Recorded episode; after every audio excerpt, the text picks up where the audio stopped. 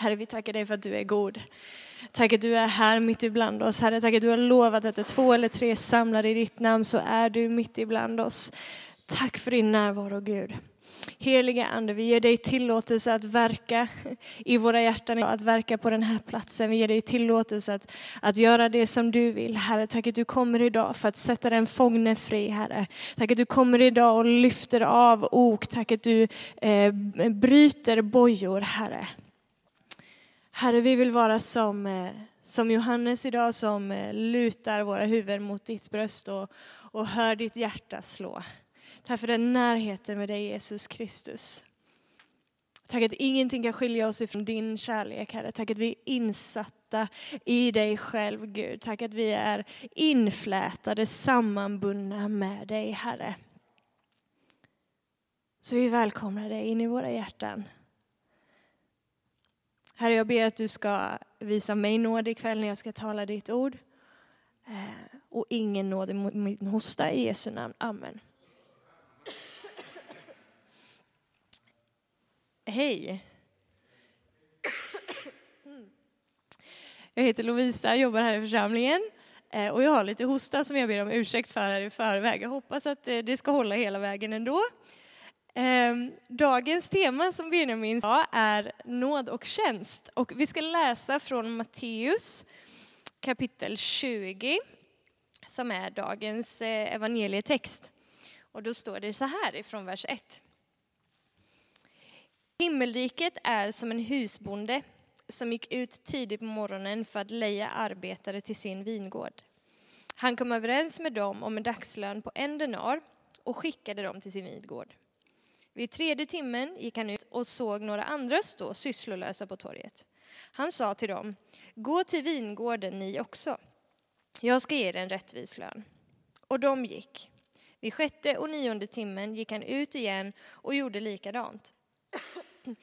Även vid elfte timmen gick han ut och fann några andra som stod där och han sa till dem, varför står ni här sysslolösa hela dagen? De svarade honom, därför att ingen har lejt oss. Då sa han till dem, gå till vingården ni också. På kvällen sa vingårdens herre till sin förvaltare, kalla på arbetarna och ge dem deras lön, men börja med de sista och sluta med de första. De som hade blivit lejda vid elfte timmen kom då och fick var sin denar.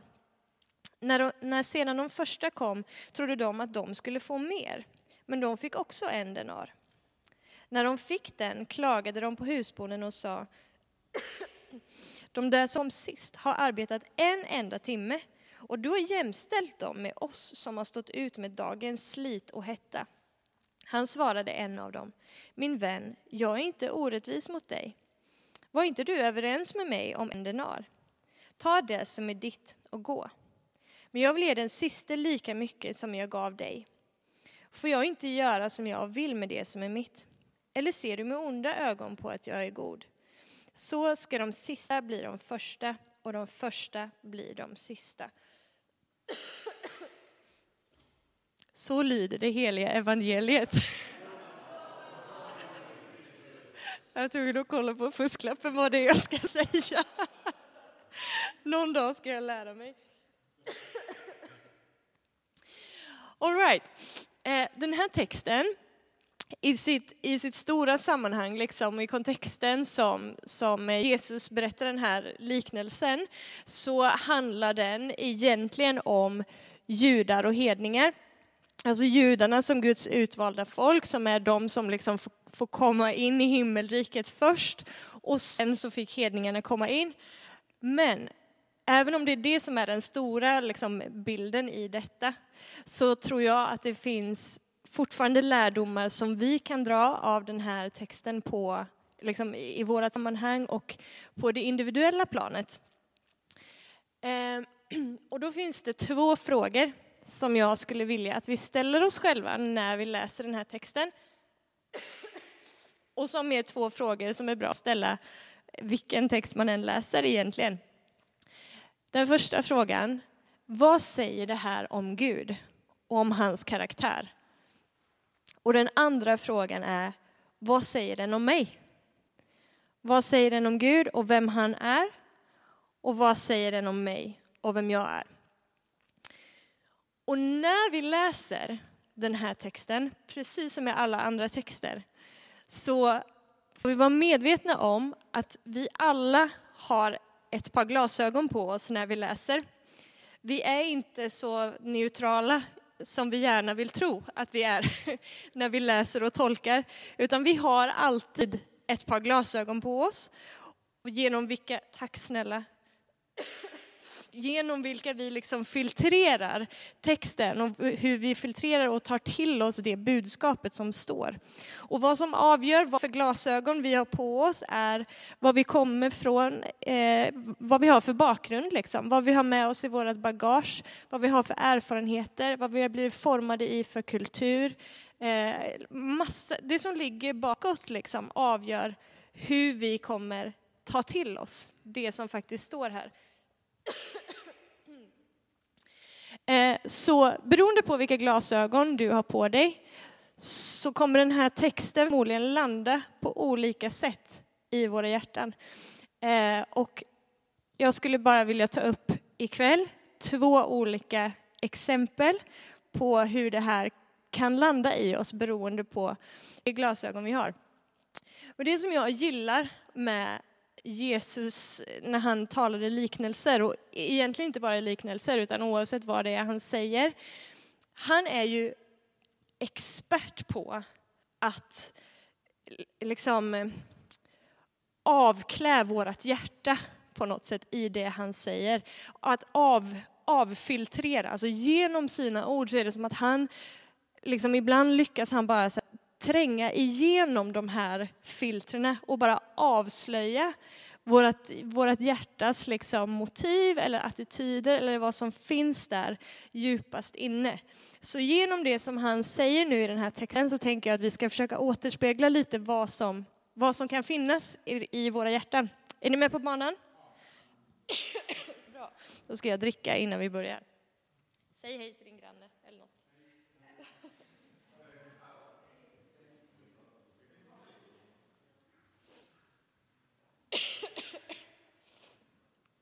Okej, för att summera den här liknelsen då innan vi dyker in i, i attityderna så att ni får med igen vad den handlade om.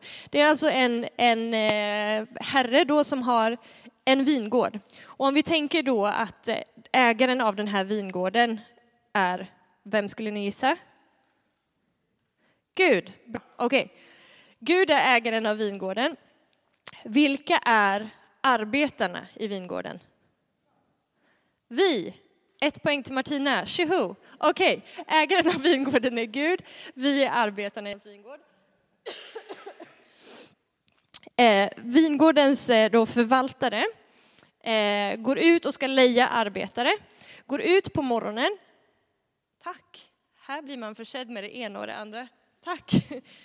Eh, förvaltaren går ut på morgonen och eh, hittar några där som kan jobba och säger ni får en denar om ni jobbar i min vidgård, kom och jobba. Så de jobbar från morgonen. Sen går han ut med jämna mellanrum under hela dagen ända fram till kvällen och hittar arbetare. Så några arbetare kommer in tidigt, några arbetare kommer in sent. Sen på kvällen då när det är dags att få betalt så får de som kom in sist och har jobbat allra minst, de får komma och få sin betalning först. Och de får lika mycket betalt som de som har jobbat hela dagen. Då tänker jag så här, beroende på nu vilka glasögon du har på dig, vad ditt bagage säger, så kan du identifiera dig med en av de här två. Eh, antingen så landar det här i ditt hjärta som att du identifierar dig som den som faktiskt har kommit in lite på ett bananskal ganska sent. Liksom. Eh, och bara wow, får jag en hel denar? Vad nu en denar är, I have no idea. Hur som helst, vi säger att det är mycket pengar. Det är en hel dagslön. Du får en hel dagslön fast du bara jobbat en enda timme. Och Guds godhet och Guds nåd blir otroligt uppenbar för dig. Och så kanske din upplevelse är med Gud, liksom. att du har fått komma med på resan trots att du liksom inte alls egentligen har gjort dig förtjänt av det, så får du ändå så här mycket lön. Och bara, Gud är ju helt fantastisk. Liksom. Han bara ger mig i sånt överflöd, fast jag inte har gjort någonting för att förtjäna det. Det är de ena glasögonen. De andra glasögonen eh, är om du mer känner att du identifierar dig med den som har kommit in på morgonen och du har tjänat en hel dag. Du har jobbat och slitit i Guds rike liksom och bara, jag har arbetat så hårt. Jag har gett, jag har gett hela mitt liv liksom till Gud. Och jag har slitit med det här och jag har slitit med det här och liksom blod, svett och tårar och det har varit asjobbigt ibland, det har varit varmt ibland och jag har bara äh, verkligen liksom jobbat. Och så kommer du på kvällen och får också belöning av Gud och bara inser att här står det någon annan tjomme som inte har lyft ett finger i jämförelse med mig och får lika gripande mycket som jag. Vad är det här för skit? Hur kan det vara så här orättvist liksom? Här hamnar jag, ska jag helt ärligt säga, de här glasögonen, har, alltså jag fattar ju att det finns de som har jobbat väldigt mycket hårdare än vad jag är, men, men helt ärligt, det här är de glasögonen som jag ofta har på mig när jag läser. Liksom. Och bara, jag sliter, Gud du vet hur mycket jag lägger ner för dig liksom. Och jag får ju min, min belöning ifrån dig så. Men så bara det, är det någon annan liksom som bara halkar in i Guds rike lite så här på ett bananskal och bara blir duschad med välsignelser. Och man bara, hallå? What about me? Liksom. Är ni med på vad jag menar? Någon annan som har känt så någon gång? I feel it.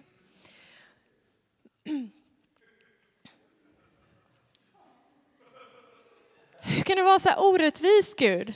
Vad hände liksom? What about me? Kan det vara så att Gud i detta och när jag läser detta och märker att det är det här som gärna vill resa sig på min insida, liksom, kan det vara så att det är lite av liksom religiöst tänkande som Gud avslöjar? Han är och petar på något slags religiöst mindset som jag har, där min på något sätt grundinställning är i hur jag liksom förhåller mig till Gud och tänkandet om livet i Guds rike är att jag hela tiden går på någon slags autopilot som säger you get what you deserve. Du får det som du förtjänar. Med andra ord, jag bygger mitt liv med Gud på min egen prestation. Ju bättre jag presterar, ju mer jag presterar, ju hårdare jag jobbar, desto mer borde jag få. Jag tänker att min belöning och det jag får ta emot ifrån Gud hela tiden har att göra med min egen, liksom, vad jag kan bidra med. Och när jag då ser att jag tycker att jag har bidragit med väldigt mycket mer än någon annan och helt plötsligt så är den personen lika välsignad och i mina ögon kanske ännu mer välsignad än vad jag är, då blir det krock liksom. Då är det som att helt plötsligt,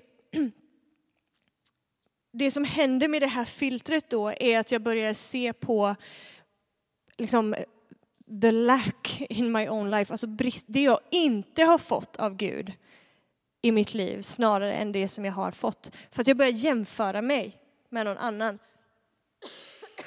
Är ni med på vad jag menar?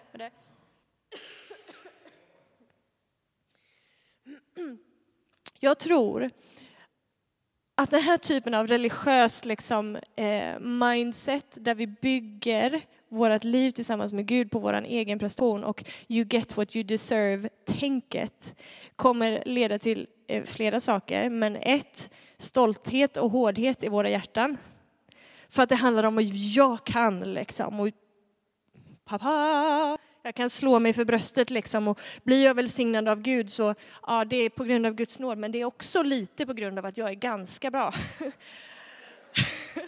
Fattar ni? Alltså jag vill gärna ta åt mig lite av den här äran för jag har faktiskt jobbat väldigt hårt för det här och det sitter långt inne i mig att erkänna att det inte har någonting med mig att göra utan bara Gud. Så någonstans så är mitt hjärta lite hårt liksom. Det är lite stolthet och jag bara, jodå. så att eh, ganska så bra är jag ju ändå.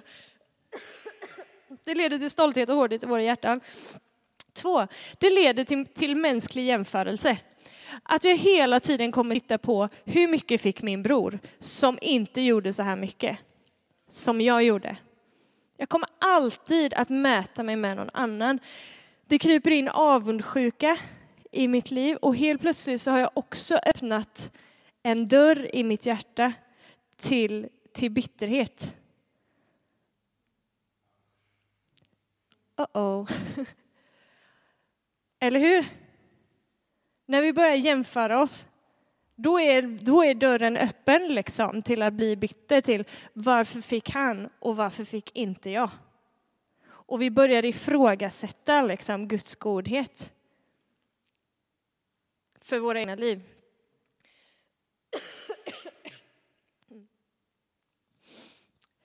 Det är också någon slags väg in i, tror jag, att hamna i någon slags offermentalitet. Den får alltid och inte jag och stackars mig och här kämpar jag och sliter och Gud välsignar inte mig men den får det och det och den gör ingenting och den kommer alltid för sent och ändå så får den så här. Det blir lite synd om mig då liksom, för jag jobbar ju ändå så hårt. Jag drar parallellen, eller när jag läste den här texten, så eh, när jag pluggade på och liksom läste lite bibelkommentarer om den här och så, så lärde jag mig en sak också. Det finns en vers i den här texten, vers 15, som säger så här. Får jag inte göra, Jesus säger eh, då till den här arbetaren som är lite sur för att den inte fick så mycket. Får jag inte göra som jag vill med det som är mitt? Eller ser du med onda ögon på att jag är god?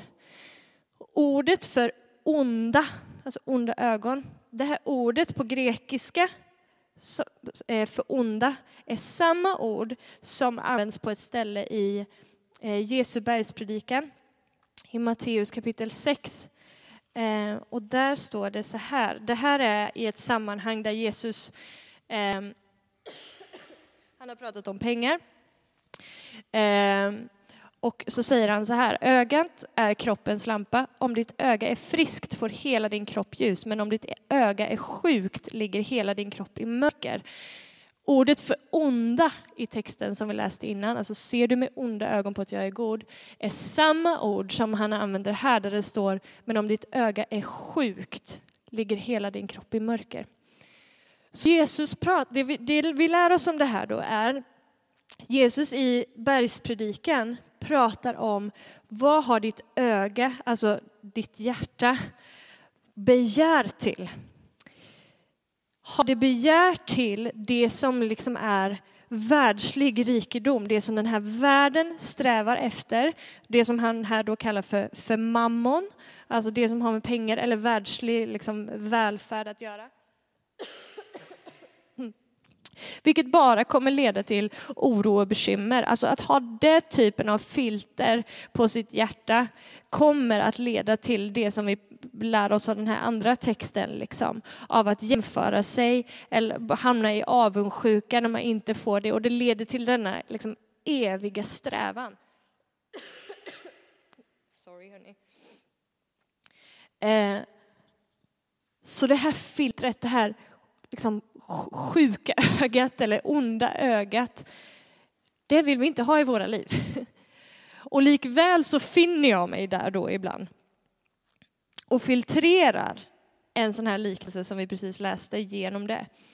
Men jag tror att poängen som Jesus vill ha fram, det, det, det rena filtret med den här texten, är att det talar om Guds gränslösa nåd. Att han visar sån otrolig nåd mot någon som egentligen inte har förtjänat det utan kommer in sist och inte har jobbat mycket. Att han visar sån otrolig nåd mot den är inte lika med att han är orättvis mot den som har jobbat mycket.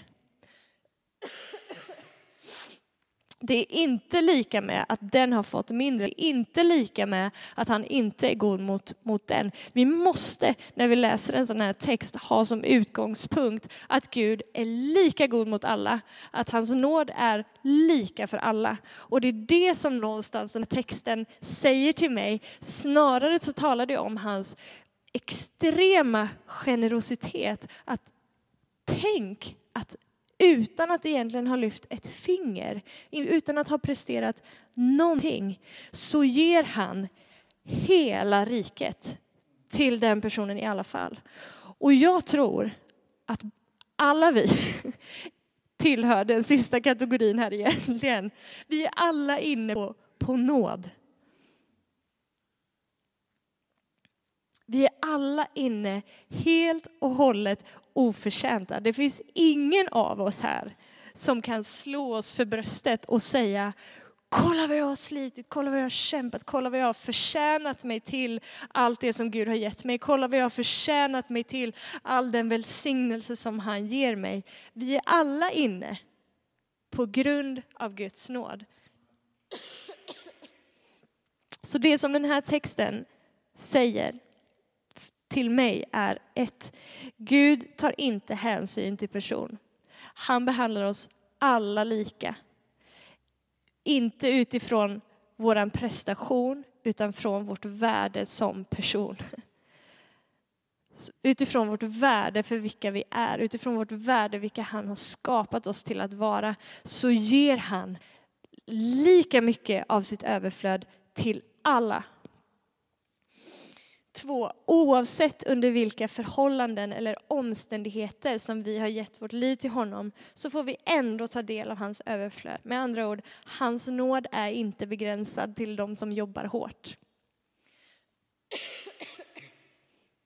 Det finns en bibelvers som jag eh, vill skicka med oss i det här, eller ett par bibelverser som jag vill skicka med oss. Det ena är från Romarbrevet eh, kapitel 8 och vers 31. Hur ligger vi till med tiden Simon? 22. Ganska bra. Romarbrevet 8.31. Vad ska vi nu säga om detta? Om Gud är för oss, vem kan då vara emot oss? Han som inte skonade sin egen son utan utlämnade honom för oss alla. Hur skulle han annat än att också skänka oss allt med honom? Han skänker oss allt med honom. Oavsett vem du är, på vilka premisser du har gett ditt liv till Gud, så ger han riket till dig. Han ger dig tillträde till allt som tillhör hans rike, ger dig tillträde till all den himmelska världens andliga välsignelse. Och det har inte att göra med din och min duktighet. Det har inte att göra med din och min hårda prestation. Det har att göra med vem han är och att han är god och att hans nåd finns i överflöd för oss alla. Andra bibelversen är först, från första Korinthierbrevet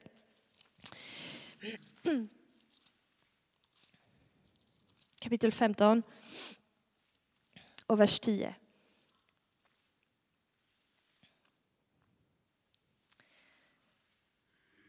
Eller så är det andra Korinthierbrevet, jag kanske har blandat ihop det lite här nu. Eh, ja, det är nog andra Korinthierbrevet, sorry. Andra Korinthierbrevet. Det kan ju inte vara, det finns ju inte ens kapitel 15. Det är inte andra Korinthierbrevet 15. Om det inte är någon annan som har det i sin bibel, I don't know. Okej, okay, då ska jag bara hitta den här versen. Eh, eh, det är vers... Ja, men det var ju rätt. Jag tittar bara på fel ställe. Andra, första, ah! första Korinthierbrevet kapitel 15 och vers 10. Men, här är Paulus som säger, men genom Guds nåd är jag vad jag är. Och hans nåd mot mig har inte varit förgäves, utan jag har arbetat mer än de alla. Fast inte jag själv, utan Guds nåd som har varit med mig. Paulus pratar om att arbeta hårt, han pratar om att tjäna, han pratar ju inte liksom, det finns ingenstans i Bibeln där Gud liksom uppmuntrar någon slags här lazy mentalitet och sitta med armarna i kors och bara allmänt tycker det är asgött att vara en soffvärmare liksom.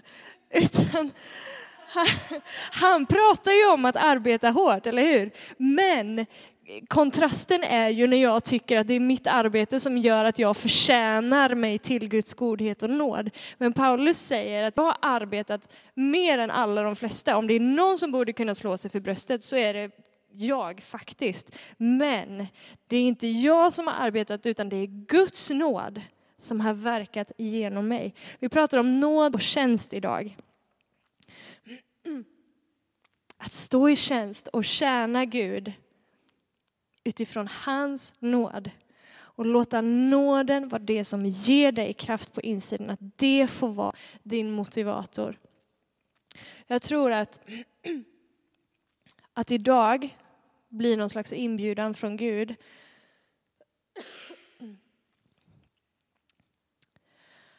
att, att släppa taget om egen prestation och om att tjäna i egen kraft. För det Guds nåd comes rushing in, där bryts det prestationsoket sönder. Detta religiösa tänkande som gör att vi hamnar i, jag får vad jag förtjänar. Där Guds nåd kommer in så krossas de där bojorna. Där krossas det där oket. Alltså. Det som den här världen vill få oss att hamna i att tänka. Men det är ju inte att du och jag är allmänt dåliga och ruttna som gör att vi hamnar där. Alltså det, vi lever i en sån, ett sånt världsligt system liksom, som vill få oss att tänka på det sättet. För det är så det funkar i allmänhet i världen. Du får det du förtjänar. Men det funkar inte så i Guds rike. Hans ekonomi är annorlunda. Så låt idag hans nåd bara få flood your heart. Släppa taget om den här självrättfärdigheten, prestationen och låta hans nåd få vara det som blir kugghjulet i ditt hjärta. Jag har jobbat mer än de flesta, men inte jag själv. Utan Guds nåd som har varit med mig. Guds nåd som har verkat igenom mig. Kan inte du komma upp och spela lite, Martina?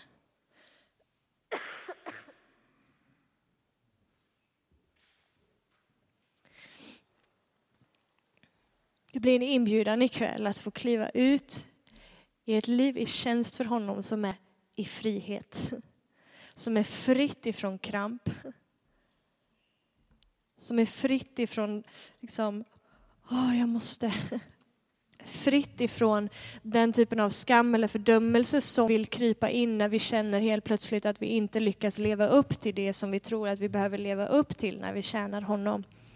Det finns en frihet ifrån det. Låt den helige ande bara få komma in, borsta av, sweep it off your heart